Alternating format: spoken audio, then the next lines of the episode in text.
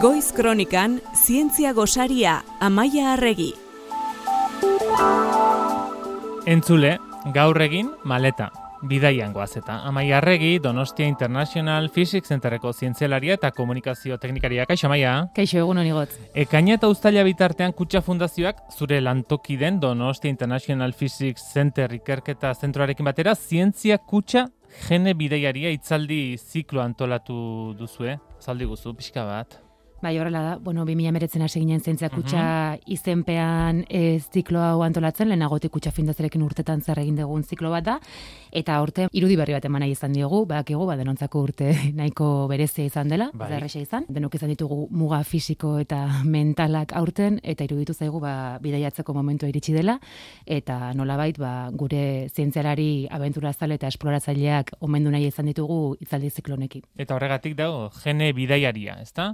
Izenpean aurtengo itzaldi zikloa. Lehenengo bidaia gainera jada egin duzue, Pirineotara, Asier Hilariorekin. Esai guzun, hor da Asier Hilario, amaia? Zirrilario e, geologoa da, eta Euskal Kostaldeko Unescoren munduko geoparkeko koordinatzaile zientifikoa da. Geoparkea izenaz ezagutzen ez dunarentzat, ba, flix eta Bai. horren inguruko eremu geologikoa zari gara. dugu ja. Bai, erreferente bat da mundu mailan e, geoparke hau. Eta gaur egun gainera geologia zientzien nazioarteko batasuneko ondare geologikoaren batzordeko presidentea da. Ez da gauza gutxi, Asier Hilario, geologoa egunon eta ongietorri zientzia gosarira. Egun hon, mila esker. Pirinioak mendien ikuskizun geologikoa izeneko hitzaldia eskaini berri duzu, aipatu berri dugun hitzaldi ziklo horretan. Zure tesia ere okerrez bagaude Pirinioen inguruan egin zenuen, ezta? Bai, horrela da, ez? Nik eh, argi daukatena da, nik geologia ikasi nuen, ba, ba mendiak maite nituelako. Mhm. Mm -hmm. Horretan zaukat inungo, inungo zalantzarik, ez? Ba, txikitatik mendira joten nintzalako, eta eta nolabait beti dukiet mendiak ulertzeko ba, gogo hori, ez? Eta orduan, ba, karrera bukaten duenean, ba, ba, oso garbi neukan nire jarraipena hortikan joan bartuela, eta benazken eman nituen, ba, ba, lau urte gehiago. Eta gero kalakot meni nintzen ere bai beste ikerketa batzuk egiten, eta ba, orduan, Bueno, ba, bai, mendiak izan dira nire interes geologikoa beti da nik piztu dutenak. Gero, beranduago, flixa aurkitu da, gurutatu da nire bidean, eta, bueno, pues, azkeneko urtetan honekin behar dugu. Ordu betetik gorako hitzaldi bikaina eskaini zenuen, hemen ezin dugu hori bere horretara ekarri, baina zuk esana da hitzaldi horren hasieran. Pirineoetan oso urrutira joan gabe bidaiatu egin dezakegula. Paisai horietara begiratuz, glaziarrak, basamortua edo koral arrezifeak ikus daitezkela. Azaldu iguzu motxean bada ere?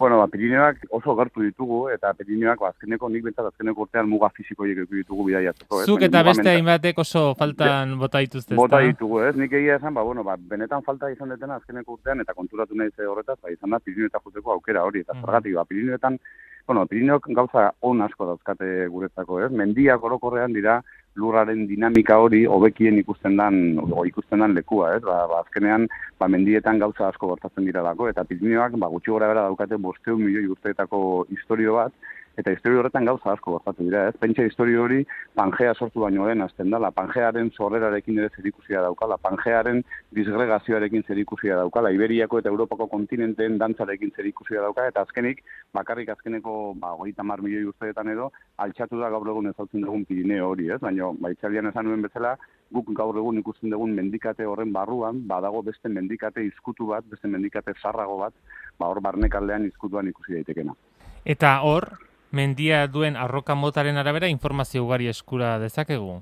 Claro, azkenean mendian paisaia politia da, ez? Gure gu- guzti guzti zaigu mendian gabiltzan hori, ba guzti guzti zaigu mendiko paisaia. Mendiko paisaian dauden koloreak, dauden lerroak, dauden formak, dauden detaile guztiak, ez daude hor ala beharrez, ez? Ezer ez dago hor ala beharrez. Denak dauka zentzu bat, denak dauka motibo bat, ez? zerbaitegatik daude gauzako, zerbaitegatik arroka horiek daukate testura hori, daukate kolore hori, eta erlazionatzen dira bata bestearekin modu horretan. Eta azkenean geologoen lana, ba, pixka bat hori da, ez? Mendi hoien arkitektura hori ulertzen saiatu, eta arroka guzti horiek atzean duten mezu hori teratzea, eta eta gero olako hitzaldiak emateko aukera daukagunean, ba, bueno, ba, plazaratzea eta eta jendeari ba, pixkat erakustea. Gauza zehatz eta goetara joanez, gure entzulek e, ideia bat egin ezaten, ez? Hitzaldi horretan ze aurkituko duten. Esaterako perdido mendian fosil itxastarra daudela. Edo kareharrizko mendi guztiak itsasoan dutela jatorria. Eta badakigu adibidez Euskal Herrian, ez Pirineoetan soilik, Euskal Herrian zehar kareharrizko mendia bat baino gehiago direla. Beraz, balioko du beste begirada batekin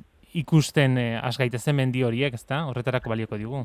Ba, bueno, hori izan da hitzaldiaren helburua, ez? Nik azkenean Pirinioen historia ba, ba, ba, zoragarri hori azaltzeko aukeratu ditut mendi batzuk, mendi, mm bueno, ba, nik pentsatzen dut, hemen inguruko normalean ibiltzen ditugun mendi horiek, eta hortaz, Pirineoetan da bilen edozeinek, ba, kaso gehienetan ezautuko dituenak, ez?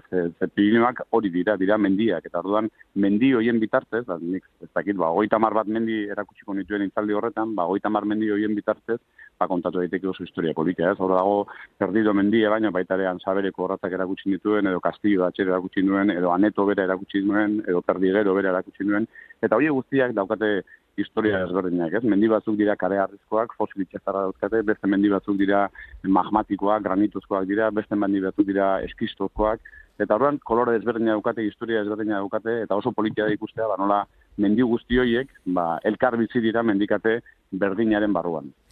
Mendi handi baten aurrean jarrita, txikia sentitu eta saiatu gauzak ulertzen. Hori gertatzea ohikoa izan eh, liteke eta ez da zalantzarik hori gertatu zitzaizula zuri Pirineoetan, ez da, Asier? Nik usten dut neri eta mendian ibiltzen dan, bueno, sensibilidade minimo batekin ibiltzen dan edo norri, ez? Nik usten mendiak geologia begiratu edo ez, baina mendiak badauka hori, mendia handia da, gu baino askota handiagoa da, eta, bueno, aurrean dokagun hori ulertu edo ez, baina bai guztioi sentiarazten digu ba, pixka bat txikiak, ez? Aurrean daukagun paisaiaren handitasun horrek sentitzen arazten dugu pixka bat txikiak. Eta nik uste hori, aurrean duzun hori ulertuta edo ulertu gabe, nik uste hori ja ba, ariketa hona dela, ez? ez, txikia sentitze hori. Kasu gehienetan, jendira guazenak, ba, ba, txontxorrera jatzen ganean, ba, gustatzen zaigu batarte bat txontxorrean egon, mm. edo, edo txontxor bidean gelditzen geranean nekatuta gaudelako gustatzen zaigu paisaia hori hori begiratzea, orduan, bueno, nik uste, ulertuta edo ez, txiki sentitze horrek, e, ba, mendiak ematen digun gauza onenetariko bat da. Amaia, zerbait esaneko zenio gasiarri? Bueno, ba, zora garri izan zera bere hitzaldia, eta oso pozik gelitu gainera, nenik izugarri ikasi nuen, eta gogo handia daukat mendira joateko, eta begiberriekin begiratzen hasteko. Ba, gonbitori egin nahi genuen e, gaur, YouTubeen ikusgai dagoelako bideoa, ez da, Amaia, eh? Pirineo zaleek, mendizaleek, edo inoiz mendiaz e, horrela ikusi ez duten entzat, ba, aukera bikaina, ez da? Bai, noski, bueno, ni nire lagun mendizale eta ez mendizale guztiei bidaliko diet, IPC-ko YouTube kanalean dago, eta topatzen ez duenaren zat, bai, YouTubeen asirrilario jarri ezkero zuzenean agertzen da, asirrilario zientzia kutsa, eta topatuko dute e, itzaldia. Asirrilario, geologoa, baguk asko eskartzen dizugu, tarte batean gure deiari erantzuteagatik. Mila eskartzu dei, placer bat beti bezala. Eta asirrilario gurtuta gu jarraitu behar dugu, amaia, jene bidaiaria jarri diozuela itzaldi zikloari esan dugu lehen, Eta izenetik bertatik dugu zientzia, ze, jene bideiari aipatuta baldago ba jene bideiaririk? Izen hori jarri genion, eta gero jendeak esan zian, genetikari buruz hitz dezut, eta ni ez, ez, ez. Ez, ez da, ez da hori gure asmoa. Bueno, goza da, gizakiak esploratzaileak izan gera, eta galderat, galdetzen dugu gure gure aria hori gizakiaren intrinsekoa den zeo zer den. Eta badirudi baiet, espante pau, antropologia evolutiboko Mas Planck institutoko zuzendariak e, kontatzen digunez, ez dago gure jakin mina daukan ugaztunik. Gulurralde berritara joaten gera, naiz eta gu bizi geran ere muan. Eroso egon. Hori, eroso egon, biziraupena bermatu, eta bar, guk ala ere, ezagutzen ez ditugun tokitara joan nahi dugu, zer topatuko dugun ez jakinar. Bueno, ba, zientzelari batzuek topatu dute, egene batean muta mutazio bat, e, DRD lau da gene hau, eta mutazio horrek zer ikusi dauka dopaminaren kontrolarekin. Eta, bueno, dopamina kontuan edukita, ba, e, ikasketa erreko, eta errekonpentsa mekanismoekin zer ikusi daukan zer dela, ba, ikusi dute, alde batetik, e, biztanlerianen euneko gehiak daukala mutazio hau gene hortan, Eta okerrez baldin banago, atente daukagu uneko hogeiak, baina gero uneko amarrak dauka aktibo e, e, mutazio hau. Eta e, gizakion jakiminarekin erlazionatu dute. Orduan, mutazio daukan jendeak edo pertsonek e, ba, arriskoak hartzeko e, joera gehiago daukate, edo toki berriak, ideia berriak, eta janari harreman, eta gauza berritara beti irekita daude, eta hori bilatzen dute den pertsonak dira. Hala ere, adituen arabera, klaro, ezin dugu murriztu gure sena e, esploratzailea, gen hortara bakarri bai, ba, beti bezala beste faktore batzuekin dago aman komunean, bueno, gen talde bat izango litzateke e, ez bat espreski, baina bueno, hori identifikatu da eta gero gainera, bueno, ba, ingurua, kultura eta bueno, ankizaki ezate gutxa. Pirinei buruzko hitzaldia aipatu dugu eta hori izan da gaurko zientzia gosariaren mami nagusia, baina Itzaldi gehiago badira, hau ja pasa da, e, baina itzaldi gehiago bai. badira datozen astetan, azaldu izkiguzu amaia bukatzeko. Ekainaren ogoita erian, Maria Intxa uste izango dugu, bera urpeko arkeologoa, da, e, lehen da bizi historia ikasi zuen, eta baina historia ikasten zuen bitartean, ba, bera ba, itxasoaren maite bat da, eta urpekaritza profesionala e, egiten hasi zen, eta orduan ba, bere bi pasioak elkartuz, ibili da e, mundu guztian zehar urpeko ondarea esploratuz.